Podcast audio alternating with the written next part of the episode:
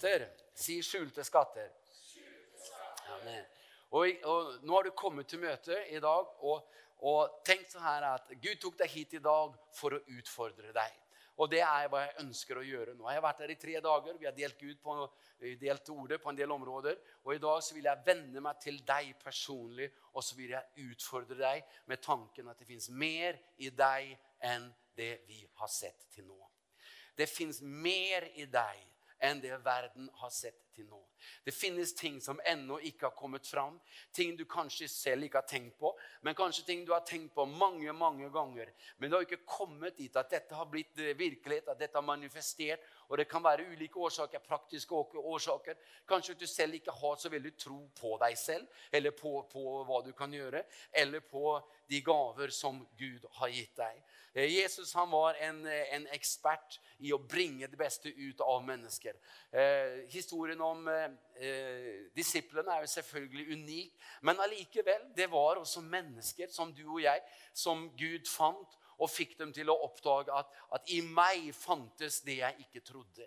Peter trodde ikke på seg selv som en leder. Han sa, 'Vik fra meg, Herre, for jeg er en syndig mann.' Lukas 5, når, Jesus, når, han, når han møtte Jesus. Og han, alle disiplene ble selvfølgelig til syvende og sist i undring og takknemlighet, men allikevel også i overraskelse klar over som, hvilket potensial som fantes i et menneske når han ga hjertet sitt til Herren.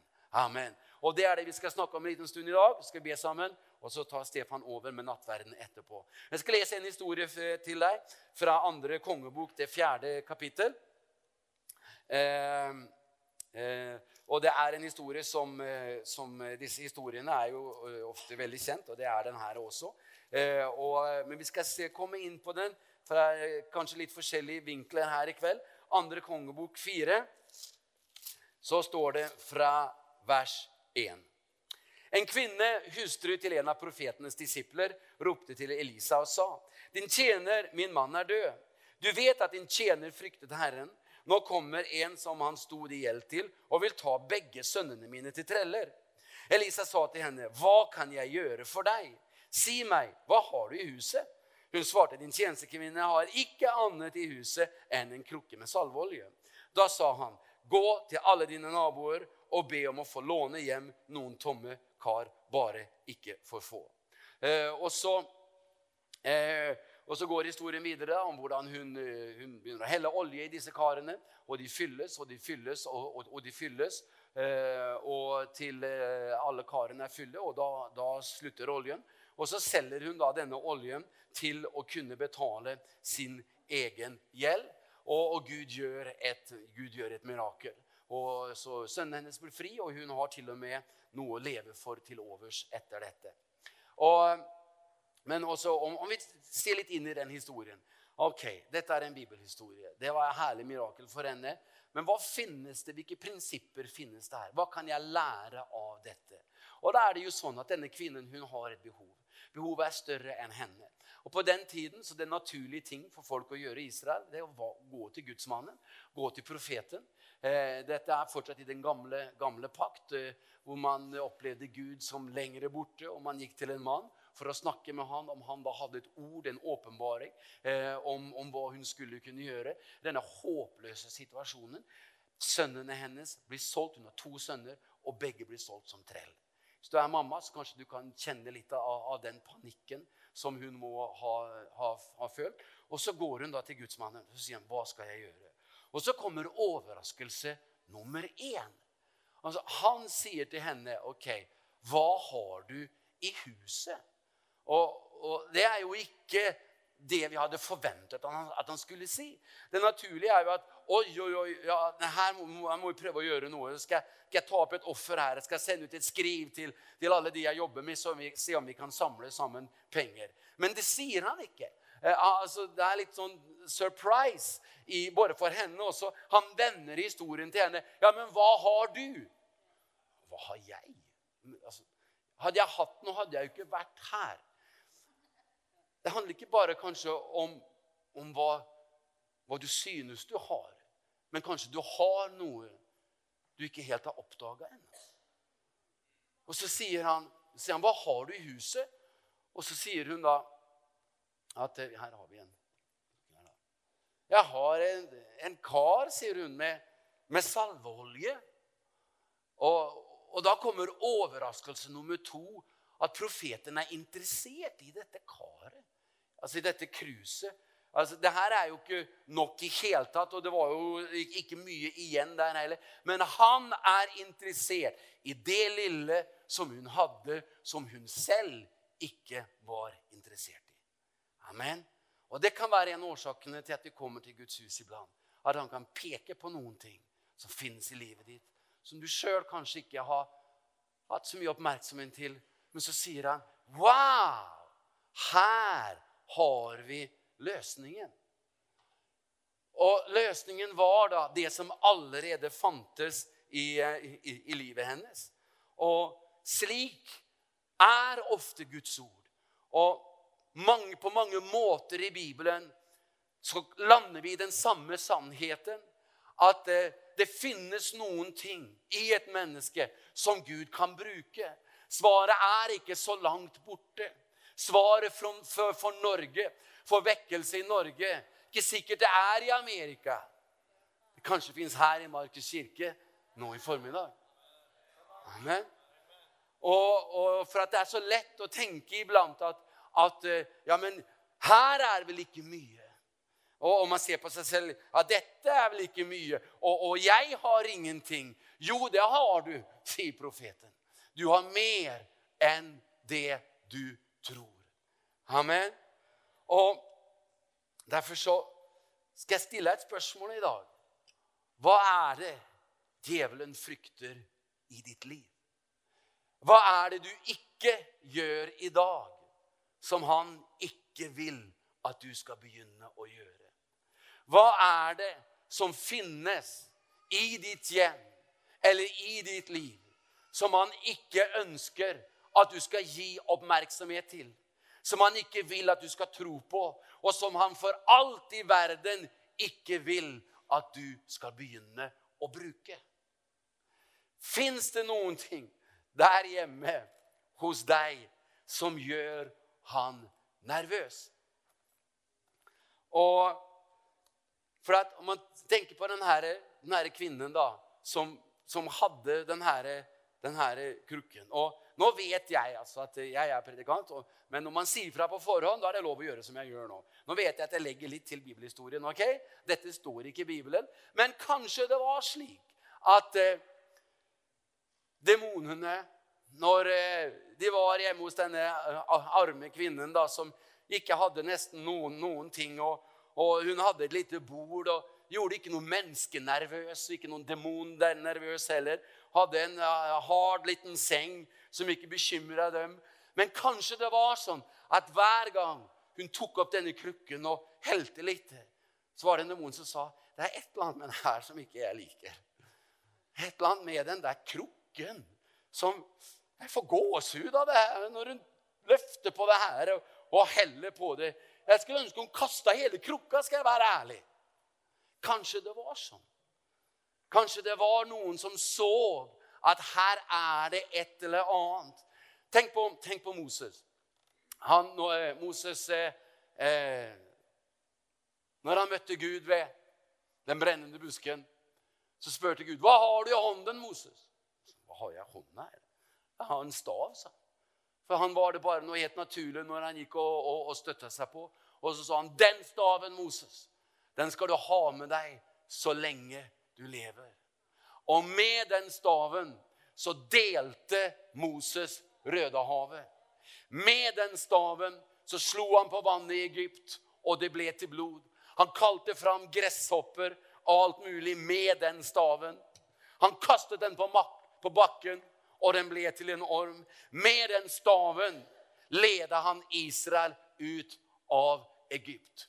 Og kanskje det var sånn at når han gikk der i ørkenen før han møtte Gud og tok hånd om sauene til, til svigerfar sin, og gikk og støtta seg på denne staven.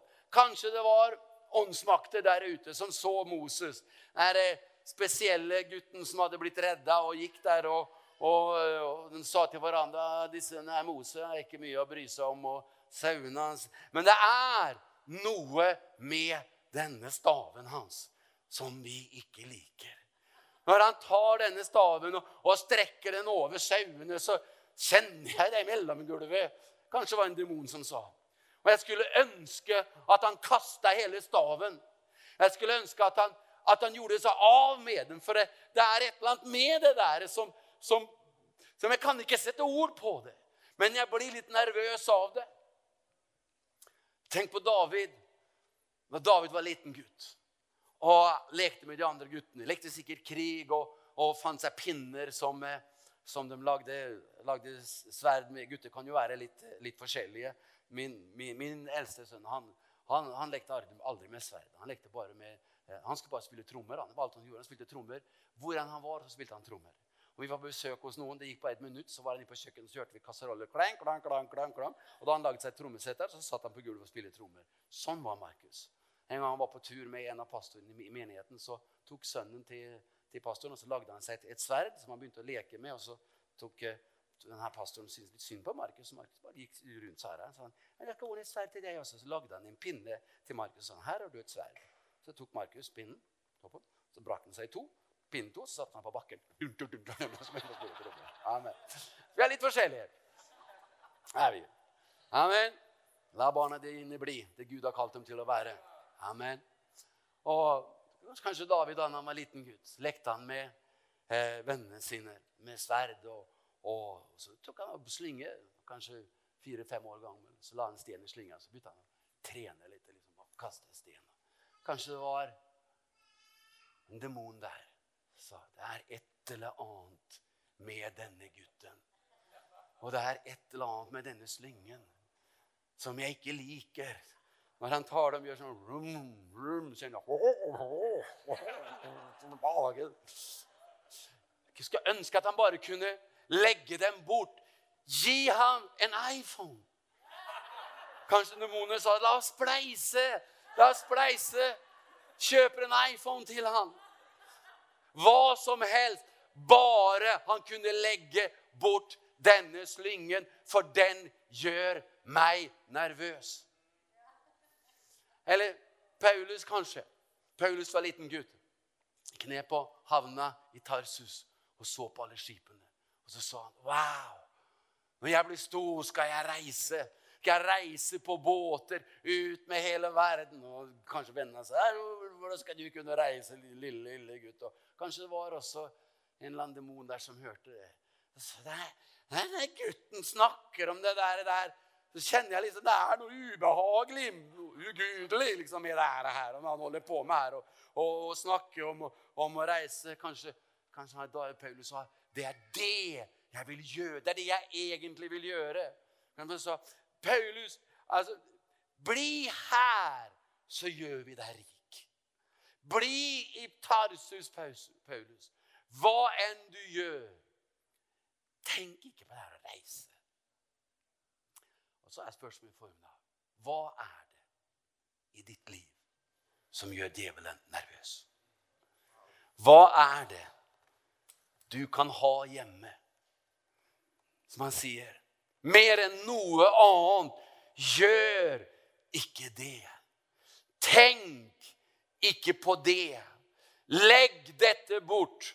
For det er denne kanna eller denne gaven eller denne tanken eller denne visjonen eller denne ideen eller denne gleden du har på innsiden, det gjør meg nervøs. Fordi jeg er pastor. Og jeg tror at i menighetene våre finnes det så mye skatter. Det finnes så mange gaver, det finnes så mange ting, så mange slynger, så mange staver som Moses hadde, som Gud vil røre ved. Men det finnes også så mange årsaker iblant til at vi kan legge det bort. Kanskje ikke ha, ha tro på det. kan være ting i, i oss, eller det kan være ting som binder oss opp. kan være bare tanker som kommer rett fra mørket. Hva enn du gjør, Gjør ikke det. Men nå her i formiddag nå er vi sammen i Markus kirke. Og nå tror jeg at Gud kan tale til noen av oss som er her i dag. Så sier han, la ikke dette ligge lenger. Hvorfor skulle du gjøre det? Hvorfor skulle du legge bort det du innerst inne kjenner at Gud har gitt deg?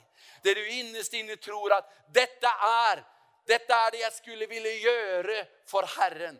Og det kan være, altså det kan være så mange forskjellige ting. Eh, kanskje du trenger å begynne å synge. Kanskje du trenger å starte dette firmaet du har tenkt på så så mange ganger. Kanskje du skal gå på bibelskole, som du er utsatt i år etter år. Kanskje du skal starte denne cellegruppen. Eller jeg vet ikke hva det kan være. Men jeg tror og er overbevist om Gud la dette budskapet på meg i dag tidlig, så vet han også hvor du er, og han vet hva han ville tale det til deg om her i formiddag. I Mattias 25 så finner du en av de Eh, store prinsipielle lignelsene i Jesu forkynnelse. Eh, I, eh, når han taler om lignelsen om talentene, som har å gjøre med verden, med Guds rike og med du og jeg.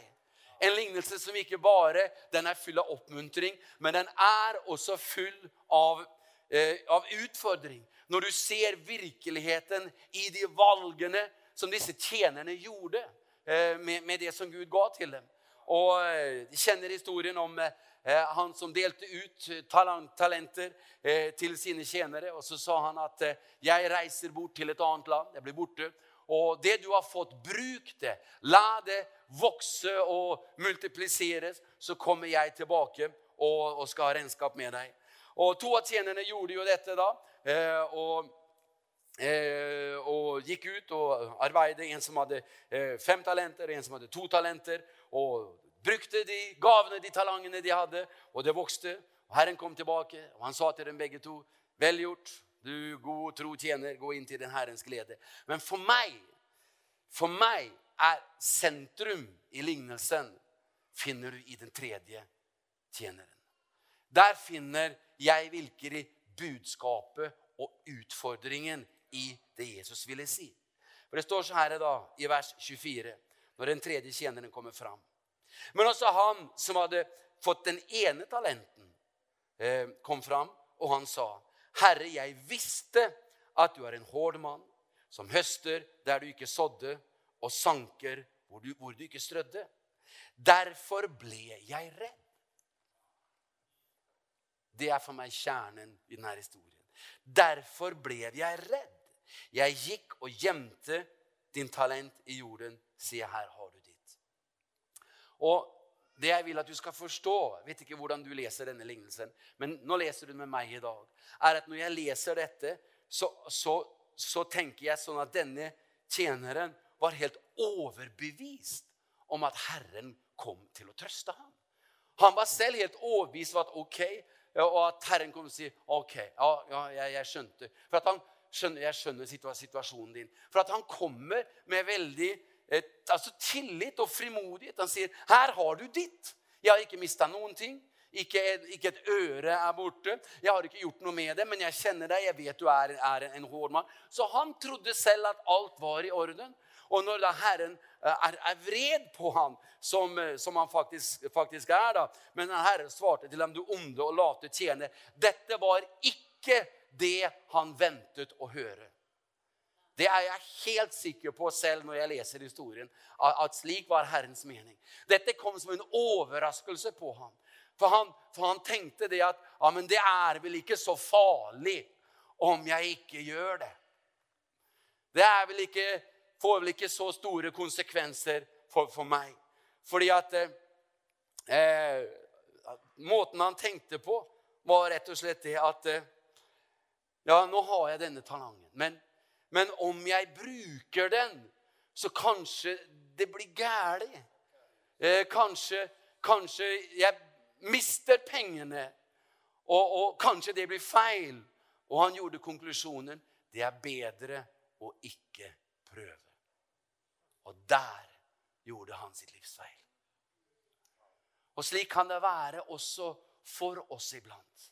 Når når vi kjenner kanskje kallet, når vi kjenner utfordringen, når vi kjenner glede når vi er på et møte, Herren taler til oss, eh, eller, eller kanskje vi går og, og grunner på, på krukken hjemme, på noe som vi gjerne skulle ville gjøre.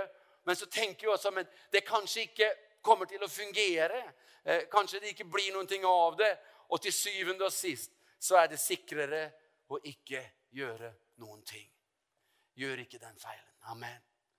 Og Jeg kan selvfølgelig ikke liksom legitimisere at alle kan gjøre hva, hva, de vil hele tiden. Ja, men du jobber med mennesker, du har lederskap i menigheten du trenger å, å snakke med og osv. Det, det håper jeg du forstår. Men samtidig nå venner jeg meg til noen ting som kan finnes inne i, finnes inne i, i, i hjertet ditt. Og jeg har sett mange, Randi sitter jo her og er med på møte. og jeg, jeg sa til Randi snakka om det mange ganger. Randi, du, du må synge. Eh, hun synger jo som en engel, min Randi. Vi vet dere det? Amen. hun synger som en engel. Og, og Randi hadde hun ikke gifta seg med meg, så istedenfor å være misjonærskolen i Russland, så hadde hun vært en kjent megastjerne her i Norge. Med, med, med millioner av, av, likes på face, FaceTime. Og, og, mange mange gull, diamant og, og platinaplater hadde hun hatt. Og jeg oppe sa til henne Randi, Altså, du, du trenger å synge. Du, du, har en gave, Randi. Du synger for lite. Ja, så, ja men, så, men, men, så plutselig for noen år siden da, så ble det litt saker. og Hun og noen andre jenter og, og, og noen, gutter i menigheten starta da det som heter Moscow, Moscow Gospel Team, og begynte å synge. Halleluja Nei, dere synger ikke det. Dere synger litt annet. Eh, oh, happy day. Nå, nå, kan ikke jeg synge, da. Jeg, Amen. Jeg var med i et kor en gang. Det gikk ikke særlig bra. Men, eh, eh, eh, men Randi kan synge. Og hun starta da altså Moskva Gospel Choir, og de begynte å synge. Og vet du, altså Gospel, ekte, svart sydstatsgospel er uimotståelig. Det går ikke å ikke like det. Altså, når, når det liksom tar av altså, Uansett hvilken alder og musikksmak man har, så det tar bare tak. Og de begynte å synge, begynte å synge, synge i menigheten. Og folk var invitert til andre menigheter. Og så, så begynte ryktene å gå utover i, uh, ut, utover i, Moskva. Og plutselig så ble de invitert til sekulære e, event. For det ene og, og det andre. Og plutselig ble de in, uh, invitert til jazzklubber. Uh, helt profane jazzklubber. Komme der og, og, ha, og ha, konserter. Og jeg, jeg, var der selv. og og eh, Det er litt sånn uvant for, for pastoren å komme inn der. altså Masse ølglass og, og stint og greier og, og folk. Og så, bare, og så Flokkstam, og så begynner jentene å synge halleluja. Og alle sammen oh, oh, oh. Og Randi står fram og forkynner evangeliet på et sted der de aldri hadde invitert meg til å komme og preke. Amen.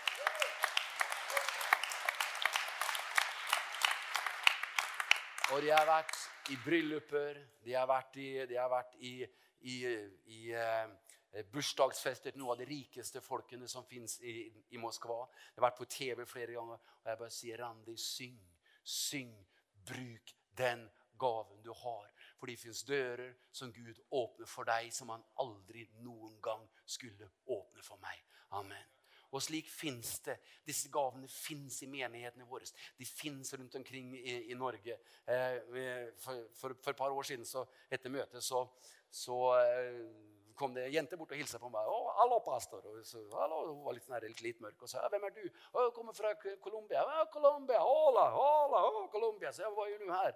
Hun har truffet en, en, russisk gutt på internett, og så har hun gifta seg. ja, har hun flytta til Moskva, og så har hun, har hun gifta seg. Og så sa jeg men så, så, så, du snakker spansk?' klart jeg snakker spansk.' Og, ja, men, jeg, 'Men du, du, du La oss starte et møte på spansk', sa jeg til henne. 'Å, møte på spansk?' Ja, møte på spansk. Ja, det fins tusenvis av studenter fra Latin-Amerika i Moskva. Og hun sa ja! Og så starta vi møtet på spansk. Og så kom de fra Colombia, Venezuela, Guatemala, Costa Rica, Brasil. Så kommer de fra hele Sør-Amerika. Og nå har vi pumpende møter på spansk hver eneste lørdag i menigheten. Amen.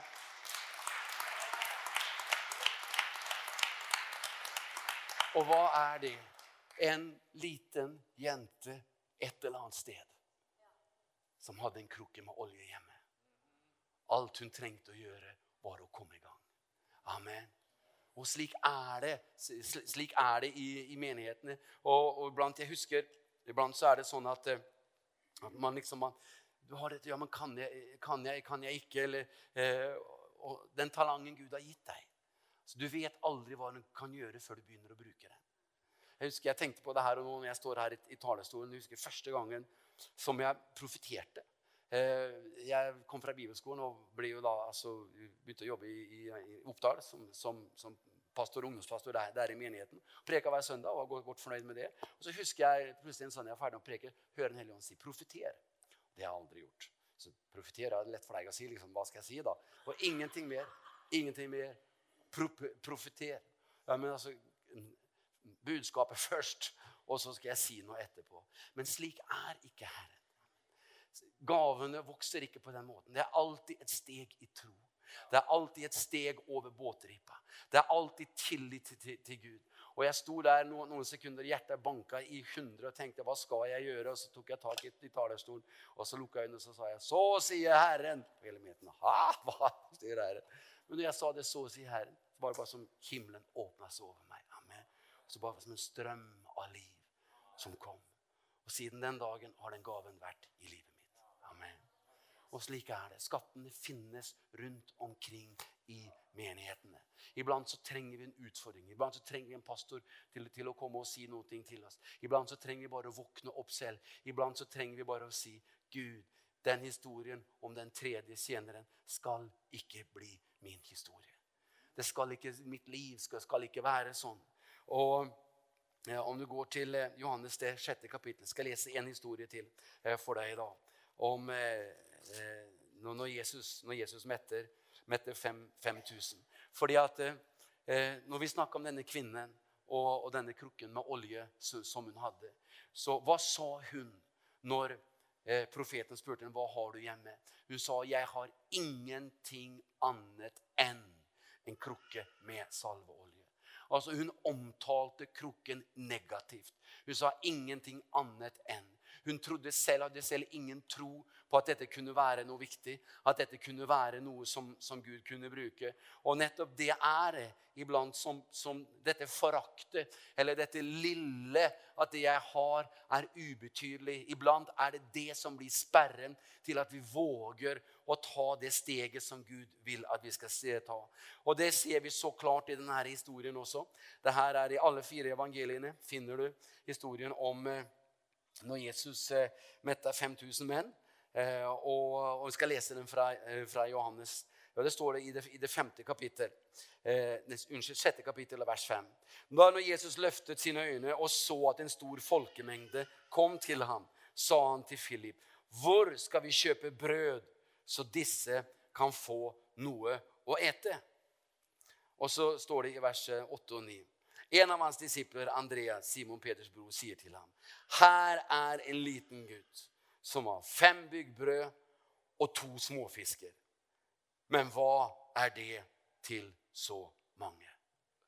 Og, og, og når, når, de kommer da med gavene her til, eh, til Herren, så, så, kommer de med dem nesten De ber nesten om unnskyldning for at det er så lite. Altså, alt er lite. altså. Brødene er lite, fiskene er små, til og med gutten er liten. Liksom alt, alt, er lite. Det er ingenting her som, som er noen ting å, å vise fram.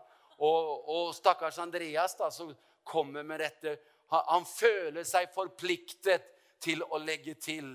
Men hva er dette til så mange? Og nå vil jeg skal snart slutte nå, nå vil jeg at du skal bare være med meg her. Altså, han står med de fem mest kjente brød i menneskehetens historie. I andre årene har han de to mest kjente fiskene i menneskets historie.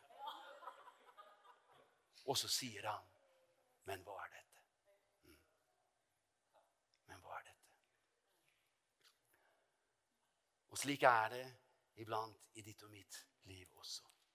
Slik vil djevelen at du skal tenke om deg selv finnes ikke fem brød som så mange ganger er malt på malerier og freskoer og glassmalerier enn en de fem brødrene. Ikke brødrene, brødrene. Amen. finnes ikke to fisker som er så mye omtalt, som så mange ganger har blitt snakket om, som disse to fiskene til denne gutten. Og Andreas står med det i hendene, og alt han sier Men hva er dette? Hva er dette til så mange? Andreas, om Gud kunne åpne dine øyne, og du kunne se hva du holder i hendene Om du kunne forstå altså hvilket under som er her, og hva Herren kan gjøre med dette om du gir det til ham. Amen. For at når Andreas, når Andreas sier dette, da Men hva er dette til, til, til, til, så mange? Så sier Jesus, 'Gi det til meg'. Og så tar det og så legger det over i, legger det over i, i Jesus hender. Og så, og så skjer underet. Og så begynner altså multipliseringen. Og, og så ser de da hva Guds nåde kan gjøre med det som legges i hans hender. Amen. Hva har du? Hva har du i livet ditt? Hva, om jeg skulle utfordre med den tanken, hva skulle du ville gjøre? Og Du bør ikke tenke kanskje noe sånt veldig megastort. Det kan det jo også være. Men det behøver ikke å være det. Det kan være noen ting, noen, ting glede du kjenner på innsiden. Jeg, jeg husker når jeg, før jeg skrev den første, første boken min, eh, 'Ungdomspastor i eh, Jeg hadde lyst til å skrive en bok om ungdom og sex og forhold og, og, og slike til. Og, og, men jeg tenkte nei, kjære tid, jeg skal ikke skrive, skal ikke skrive bok. Skal ikke skrive bok. Skal jeg skrive bok? Kjære tid, ingen som leser den boka der. Liksom. Og, så var det en dag jeg var ute, jeg var ute og, gikk. Jeg husker ennå hvor jeg var, husker ennå veien jeg, jeg gikk. Plutselig talte til meg Matsola, hvor mange pornoblader finnes det til salgs i Norge? Hvor mange pornofilmer og filmer som handler om urenhet, finnes i Norge? Så er det til meg. Hvilken skade gjør det om du skriver en bok om renhet? Og Da kjente jeg meg litt, skam, litt skammelig. Ja, stor skade kanskje den ikke gjør da. Så skrev jeg den første lille boka mi. Så tok Gud, Gud den gaven videre. Men den følelsen at dette er så lite, altså den kommer fra fienden iblant. Og om mulig kanskje vil holde deg der helt til livet ditt er over. Og helt til vi kommer med den ene, ene talangen, og så sier vi også ja, men jeg var redd. Jeg var redd for å gjøre feil. Og, og derfor så gjorde jeg ingenting. Og vi ser at den unnskyldningen holder ikke. Nei, Herren forventet at du gjorde noen ting med det. Selv om du ikke kunne være sikker på at alt kom til å gå så veldig bra. Amen. Og du kanskje, Når du ser meg her, så kanskje du tenker så her at eh, ja, Mats nå, nå kan, Kanskje du tenker på at du at du er kalt til, å, til å lede, kalt til å lede en selvgruppe, kalt til å lede et arbeid eller å forkynne. hva vet jeg, tenker kanskje Matsola, men Det er lett for deg å si du er en født, født predikant. Matsola. Vet du, Jeg er ikke født predikant. Hvis jeg, jeg kan fortelle deg historier om hvordan, hvilken vaklende begynnelse det var i, i livet meg. Som, for eksempel, jeg husker nå, altså, Helt på slutten av 70-tallet når karismatiske vekkelsen kom til Norge. Og, og vi i Oppdal, eller kanskje det var begynnelsen på 80-tallet, jeg husker ikke sikkert, vi begynte å ha, ha konferanser. Og, og store store konferanser. Og, Vi var ikke vant med noen ting, og folk ramla på møtene. og fylte Den hellige ånd, og det var, det var bare fantastisk. Og, og, jeg var bare en, en gutt i menigheten. og Så, så leide de idrettshallen et år, og så skulle de da ha Eh, inviterte en eh, predikant, Sandy Brown, husker en kvinne fra USA, som skulle, skulle preke. da, og Det var skikkelig store, store saker. Og, og, så hadde vi hørt at det var noe som heter møteverter. da.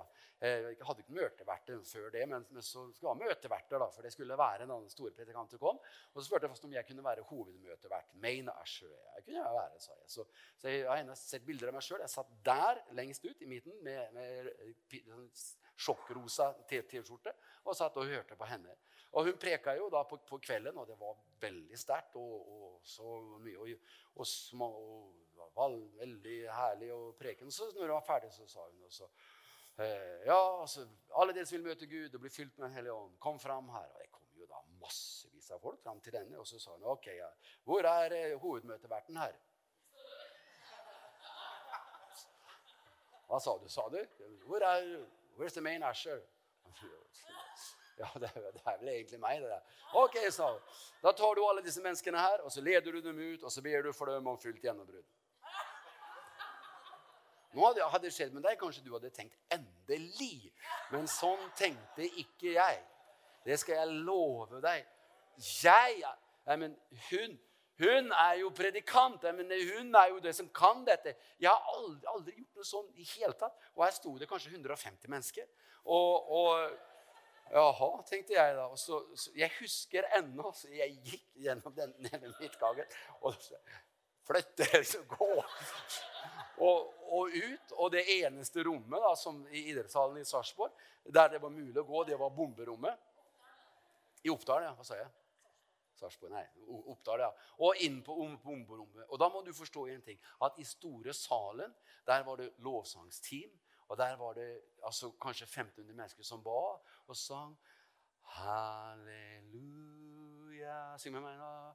Hall sånn var stemningen i store salen. Å, det var men, så stopp. Men i bomberommet Mørkt og tyst. Totalt. Ingen, og, og, og, og, jeg sto her og så, og så, så på dem, og de så på meg. og tenkte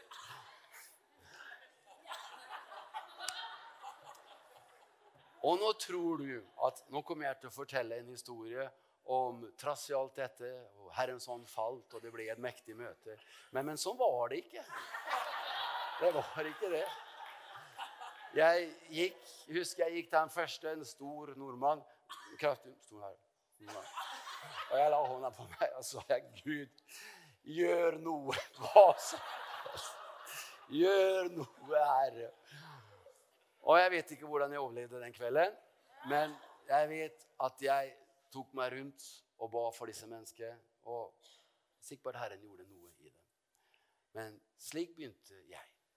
Ikke noe fyrverkeri. Ikke noe voldsomme ting. Jeg bare gikk når utfordringen kom. Amen. Amen. Så ble det annerledes etter hvert. Men slik er det. Hva har du hjemme?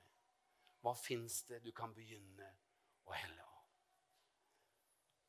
For at når de ga fisken og brødet til, til Jesus, så, så velsigna han det. Og det var han som gjorde det. Og tenk, tenk mange ganger, Kan noen komme opp og ta, ta piano her? Tenk mange ganger på denne, på denne gutten. Om hvordan det var for ham. Kanskje han forsto at dette, var Messias, og dette var Herren. Og så tar han hans små byggbrød, hans små fisker, og så ser han at Jesus løfter dette opp til himmelen og takker Faderen for det. Kunne si mine brød og mine fisker. Og her står Herren selv med dette løftet i hånden. Og så takker han Gud for det. Amen. Og sånn kanskje det er med ditt og mitt liv også. Gud kan ha gitt gaver til deg og meg som han ærer men vi ærer det ikke selv. Vi ser det ikke selv. Og vi tenker alltid ser at men hva er dette til så mange? Hva kan jeg gjøre i, i Norge? Kanskje du kan gjøre så mye mer enn det du tenker og forstår. Hvis du legger det til Herrens hånd, og du er villig til å begynne å gå og stole på Han i det som Han har kalt deg til å gjøre. Når man telte opp dette, så står det at det var 5000 menn uten kvinner og barn. De telte ikke gutten engang. Han var ikke med i de 5000. Spilte ingen rolle i hele tatt. For han var der, og han trodde at Gud kunne bruke det han hadde. Så skjedde dette store mirakelet. Og Herren, og bare Herren, fikk æren for det. Amen. Oljen som denne kvinnen hadde, den rant så lenge hun helte. Men hun måtte begynne å helle sjøl. Det, begynte, det sto ikke på bordet, og så plutselig så rant det over. Nei, det gjorde ikke det. Hun måtte selv hente karene. Og hun måtte selv bestemme seg for å begynne å helle. Og de handlingene om tro, av tro var det også som forløste det potensialet som var i denne krukken, og som var i denne situasjonen. Og så lenge hun helte, så lenge hun fortsatte å bruke det, så var også miraklet der, så var salvelsen og så var kraften der. Det er en av de største åndelige prinsippene og sannhetene som vi kan lære oss, er det at han sa, 'Jeg er med dere til verdens ende'. Jeg er med deg når du går. Men du må gå. Du må tro. Du må begynne å synge. Du må ta inn initiativet. Du må, du må ta de første skrittene som du kjenner at Herren kaller deg til å gjøre. Det er da også du kan se hva han kan gjøre gjennom deg. Når jeg gikk på barneskolen i Sarpsborg i Østfold, så måtte vi lese bøker sammen. Jeg skal slutte med å fortelle deg om en bok som vi måtte lese på skolen. Og den boken var en kjærlighetshistorie om en mann som var forelsket i en dame, eller en, en ung mann som var forelsket i en jente. Men han turte aldri å si det til henne. Og Det var så frustrerende å lese denne boken. Man liksom bare, Men kom, igjen, da. Fordi Samtidig så forteller boken at hun var så forelska i han. Men, men, hun syntes liksom at han da skulle ta initiativet. Eh, hatt mannskonferanse her, så det er bra, bra tema her, brødre. Når det gjelder det. Liksom at, og, og, men, han, men han, han, gjorde ikke det. Han tenkte på det, men, men, trodde liksom ikke at han kunne få ja og sånn. Og vi leser og leser og leser. Og så kommer vi til siste kapitlet. Og hvor mange vet at i siste kapitlet så ordner det seg? Amen. Har ikke ordna seg før, så ordner det seg i siste kapitlet. Så, men der også så gikk det så erbarmelig tregt altså, på, på det her. Det er et svensk ord fra min moder. Erbarmelig. Som, og så kommer vi til de helt siste sidene, og da er de på en jernbanestasjon. Og hun skal reise bort for alltid. Og han står da med henne på jernbanestasjonen og, så, og vet at nå har jeg siste mulighet. Nå forsvinner hun for alltid. Og så tenker han nå skal jeg fri til henne. Men så gjør han det ikke. Hun går om bord på toget. Men så åpner hun vinduet. Si halleluja. Hun åpner vinduet og ser på han, og han forstår at jeg har fått en ekstra sjanse. Og Da går han bort, bort til vinduet, og så står han der og tenker på hva han skal si. Men frimodigheten holder ikke, og toget begynner å kjøre. Forferdelig, altså. Men, men, men, men, men. Hør på meg nå. I det toget kjører, så forstår han at jeg kan fortsatt rope til henne, og hun kommer til å høre hva jeg sier. Jeg kan fortsatt rope at jeg elsker deg. Og toget begynner å kjøre. Han sier ingenting. Toget forsvinner, og boka er slutt.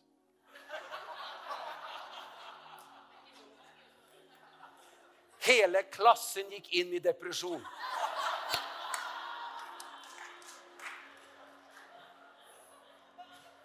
Les ikke sånne bøker.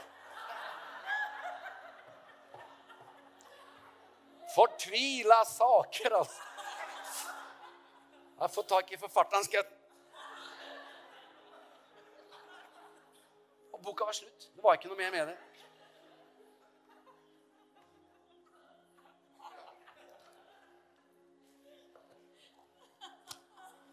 Ok.